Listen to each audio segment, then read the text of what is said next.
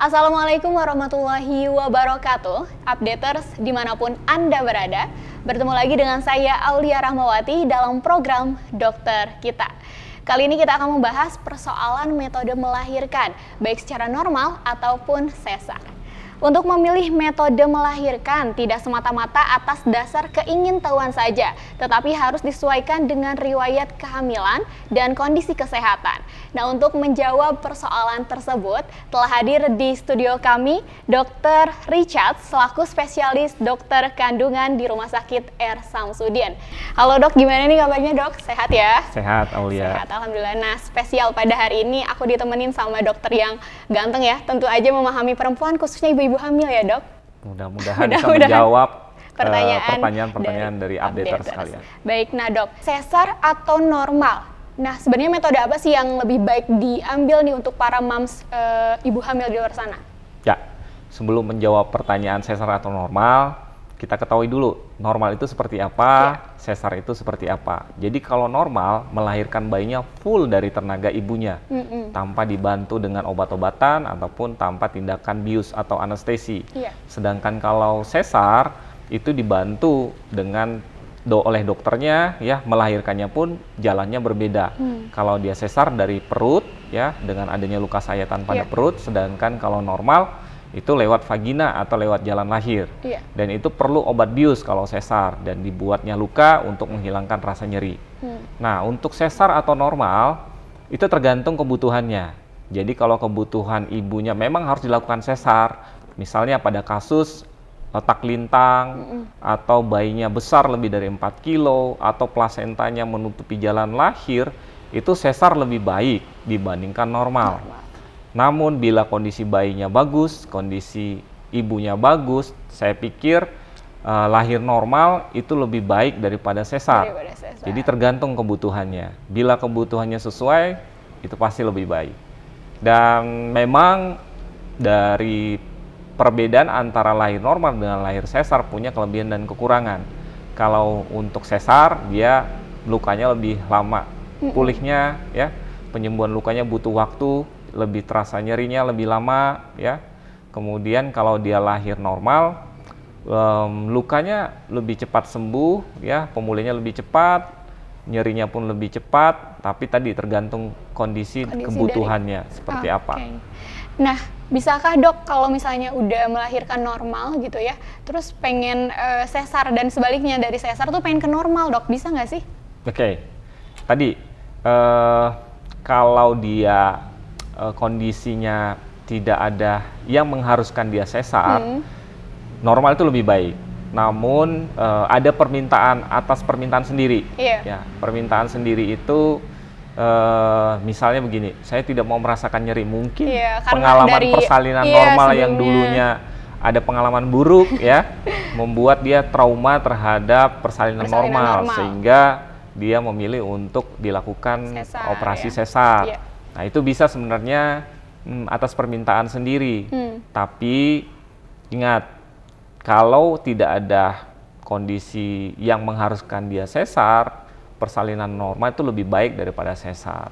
Tapi Oke. bila ada permintaan tersendiri, saya pikir ya itu tidak menutup kemungkinan untuk dilakukan sesar karena pasien juga dilibatkan dalam memutuskan jenis per- persalinan apa yang dia pilih. Oke, berarti harus ada eh, persetujuan juga ya, Ya. dari pasiennya. Kemudian kalau dia sudah pernah melahirkan secara sesar, kemudian mau mencoba untuk melahirkan Normal. normal, ada syarat dan Oke. ketentuannya. Nah, syaratnya apa Nah, tuh dok? syarat dan ketentuannya satu, jarak sesar yang sebelumnya dengan rencana normal, persalinan yang berikutnya minimal 18 bulan. 18 bulan. Ya, bukti ilmiah bilang 18 bulan. Kemudian tidak ada kontraindikasi untuk dilakukan persalinan normal. Hmm. Misalnya riwayat sesar sebelumnya, kemudian sekarang hamil mau coba lahir normal dengan kondisi anaknya letak lintang. Nah, itu tidak mungkin, tidak bisa lahir secara normal. Jadi memang ada syarat dan ketentuan bahwa anak tersebut bisa lahir secara normal. Oke. Tadi beberapa syarat dan ketentuan tadi harus terpenuhi dulu, ya. Nah, itu yang bisa membuat yang dulunya lahir sesar kemudian dicoba untuk lahir normal ya. Jadi harus memenuhi persyaratannya dulu ya Betul. dok, baru bisa melahirkan secara normal. Mungkin di luar sana banyak sekali moms yang mengikuti program senam hamil. Nah dok, sebenarnya berpengaruh nggak sih buat e, ibu hamil secara sesar gitu kan? Banyak juga yang mengatakan itu hanya diperuntukkan untuk ibu hamil yang nantinya melahirkan secara normal dok. Ya, jadi untuk efek dari senam hamil bukan hanya berpengaruh terhadap ibu yang akan melakukan persalinan normal, normal, oke. tapi juga berefek terhadap pasien yang nantinya mungkin akan dilakukan sesar. Dari awal-awal mungkin sudah diketahui nih nantinya saya akan melakukan persalinan secara sesar, Hmm. tapi efek terhadap eh, kehamilan dari senam hamil tersebut itu positif sifatnya, Iya. bukan hanya terhadap organ-organ reproduksinya, tapi secara psikis Mm-mm. penting untuk refresh dari uh, pikiran-pikiran mungkin nanti takutan terhadap uh, lahir secara juga ya, sesar dok? ya, betul. Jadi senam hamil memiliki efek yang positif terhadap kesehatan mental dari ibu hamil, baik secara sesar nantinya akan mungkin dilakukan secara sesar ataupun lahir secara normal. Baik. Untuk resiko dan kelebihan dari melahirkan normal dan sesar itu sendiri bagaimana dok? Ya. Jadi untuk resiko lahir normal ataupun dengan sesar, keduanya memiliki resiko. Ya. Tergantung kondisinya. Tapi eh, dari kedua jenis persalinan tersebut, yang resiko yang paling kita takutkan adalah perdarahan. Pendarahan. Jadi bila persalinannya sesuai dengan kebutuhannya, mudah-mudahan resiko tadi kita bisa minimalisir. Misalnya dengan letak lintang, kita tidak akan memaksakan pasien tersebut untuk lahir normal.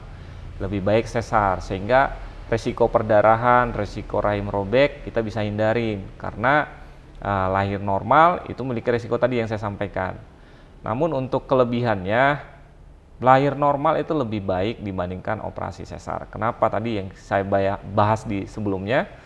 Kalau lahir normal, luka pemulihannya lebih, Lebih cepat, cepat. kemudian eh, rasa sakitnya pun lebih cepat hilang, kemudian em, secara psikis atau secara mental ibunya lebih cepat pulih secara eh, lahir normal. Iya. Untuk eh, metode sesar sendiri apakah memiliki dampak eh, kepada bayi? Jadi untuk dampak terhadap bayi dari kedua metode persalinan tadi, bila sebelum persalinan normal, sebelum persalinan sesar, kondisi bayinya baik-baik saja tidak ditemukan adanya perbedaan. Seperti itu. Masih bersama saya Aulia Rahmawati dalam program Dokter Kita. Baik dok, kali ini ada pertanyaan nih dari updaters di rumah ya dok, dari Ed Kang Dedi Suryadi. Oh yang nanyanya laki-laki dok. Oke, untuk pertanyaannya, bagaimana jika ingin persalinan normal dok, namun kondisi darah yang kurang, apa solusinya dok? Oke. Untuk persalinan normal dengan tapi untuk kekurangan darah ini saya eh, maknanya ada dua ya. Hmm. Bisa saja tekanan darahnya yang terlalu tinggi atau HB-nya hemoglobinnya itu terlalu rendah. Nah, untuk optimalisasi satu kalau bila tekanan darahnya tinggi segeralah kontrol ke dokter eh, untuk diberikan obat penurun tekanan darah. Iya. Kalau dia HB, HB-nya kurang, ya hemoglobinnya kurang, nanti kontrol juga ke dokter untuk diberikan obat penambah darah. Nah, memang untuk persalinan normal kondisi ibu harus optimal, Stabil ya dok? stabil, betul. Tensinya nggak boleh tinggi, tekanan darahnya nggak Hmm. boleh tinggi, hemoglobinnya itu lebih baik eh, mendekati normal atau Karena lebih baik bakal normal. ya, Dok, Betul, karena penanganan. kalau darahnya rendah yang dimaksud di sini tekanan Hmm, darah hmm. ataupun hemoglobinnya yang Iya. rendah ya tekanan darahnya tinggi nanti ada resiko-resiko yang mungkin bisa terjadi pada saat proses persalinan tersebut.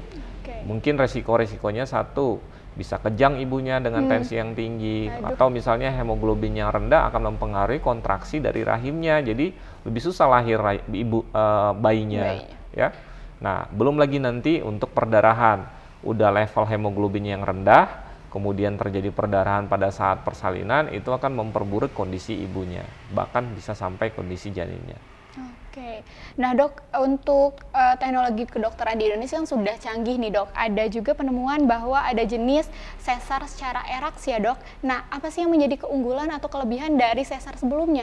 ya Sesar biasa. Jadi sebenarnya eraks ini lagi naik daun Lagi ya. naik daun. Sebenarnya itu sudah lama dikenal dan eh, baru saja populer Iya. dengan salah satu artis yang melakukan Hmm. teknik operasi dengan eraks. Tapi intinya sebenarnya secara teknik tidak ada perbedaan.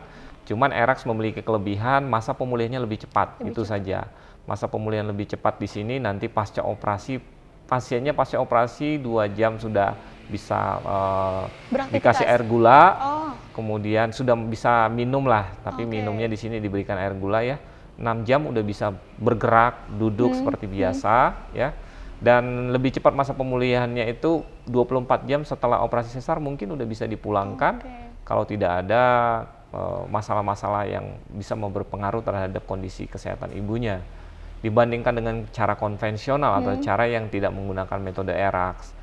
Um, mungkin itu saja yang menjadi perbedaan. Kalau untuk teknik sama saja sama operasinya. Saja. Ya. Untuk ERAX sendiri itu terencana atau memang ketika darurat diadakan metode ini? Ya, jadi untuk ERAX itu sebenarnya harus terencana, harus, harus direncanakan ya? oleh dokter kandungannya dan hmm. nanti akan dilakukan konsultasi dengan dokter-dokter terkait. Hmm. Misalnya di sini bukan dokter kandungan saja yang ber, uh, berperan di sini, yeah.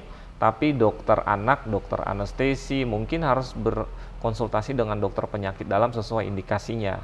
Jadi harus terencana, tidak bisa sifatnya dadakan atau sifatnya emergensi. Nah, untuk emergensi mungkin lebih diutamakan cara konvensional atau metode sesar dengan konvensional. Begitu. Okay. Nah dok, ada pertanyaan satu lagi nih dari updaters di rumah dari @adelmn21. Untuk pertanyaannya dok, apakah yang harus dilakukan ibu hamil ketika bayinya sungsang dok? Dan apakah bisa melahirkan secara normal? Ya, jadi apa yang bisa dilakukan ketika moms atau uh, ibu dengan bayinya letak sungsang. Uh, kalau letak sungsang itu kepalanya berada di atas, hmm. kemudian pantatnya berada di bawah.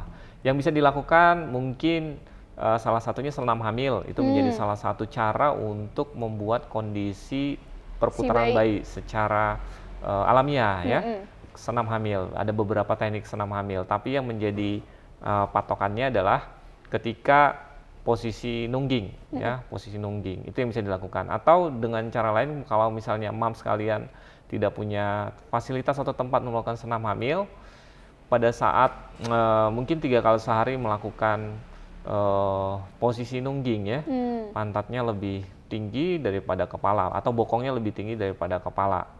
E, mungkin bisa lihat di Google cara cara terapi ya untuk untuk letak sungsang betul iya, ya pertanyaannya apakah bisa lahir Secara dengan normal uh, normal dengan letak sungsang bisa ya tapi ada syarat dan ketentuannya lagi nih yeah. ya syaratnya pertama satu pastikan bayinya ini ini melalui kontrol ke hmm. dokter hmm. tidak lebih dari tiga setengah kilo berat badan anaknya itu pertama hmm. ya kemudian posisi panggulnya tidak sempit karena biasanya pada wanita dengan letak sungsang itu ada masalah di panggulnya yeah. termasuk di sini panggul sempit Kemudian ketiga, penolongnya harus ada.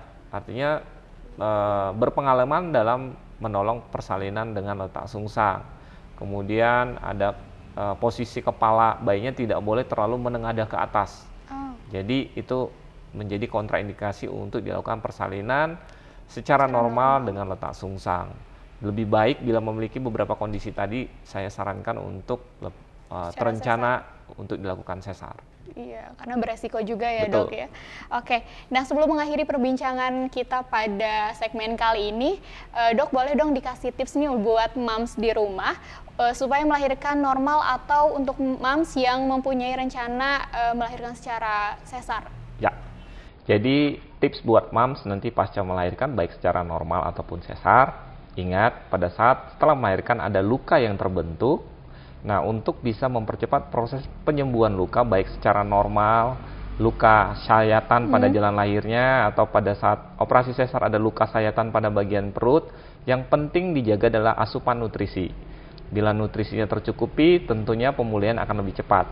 Nah, asupan nutrisi yang perlu ditingkatkan adalah asupan dari protein. Hmm. Sumber dari protein itu ada daging, telur, ikan. Nah, itu harus ditingkatkan. Jadi pada dasarnya uh, ibu atau mams yang pasca melahirkan tidak ada pantangan makanan kecuali uh, ada pemberitahuan dari dokter terkait atau dokter kandungan bahwa jenis makanan tertentu harus dihindarin. Misalnya pada kasus dengan uh, darah tinggi, dengan kolesterol tinggi, tentunya makan makanan yang berlemak tinggi harus dihindarin ataupun uh, makanan yang mengandung kadar garam tinggi itu harus dihindarin.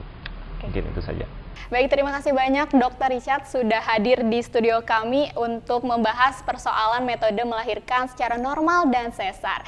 Mudah-mudahan bermanfaat juga untuk updaters di rumah. Nah, untuk updaters yang tadi bertanya berhak mendapatkan voucher pulsa nilai Rp100.000 yang didukung oleh Universitas Nusa Putra.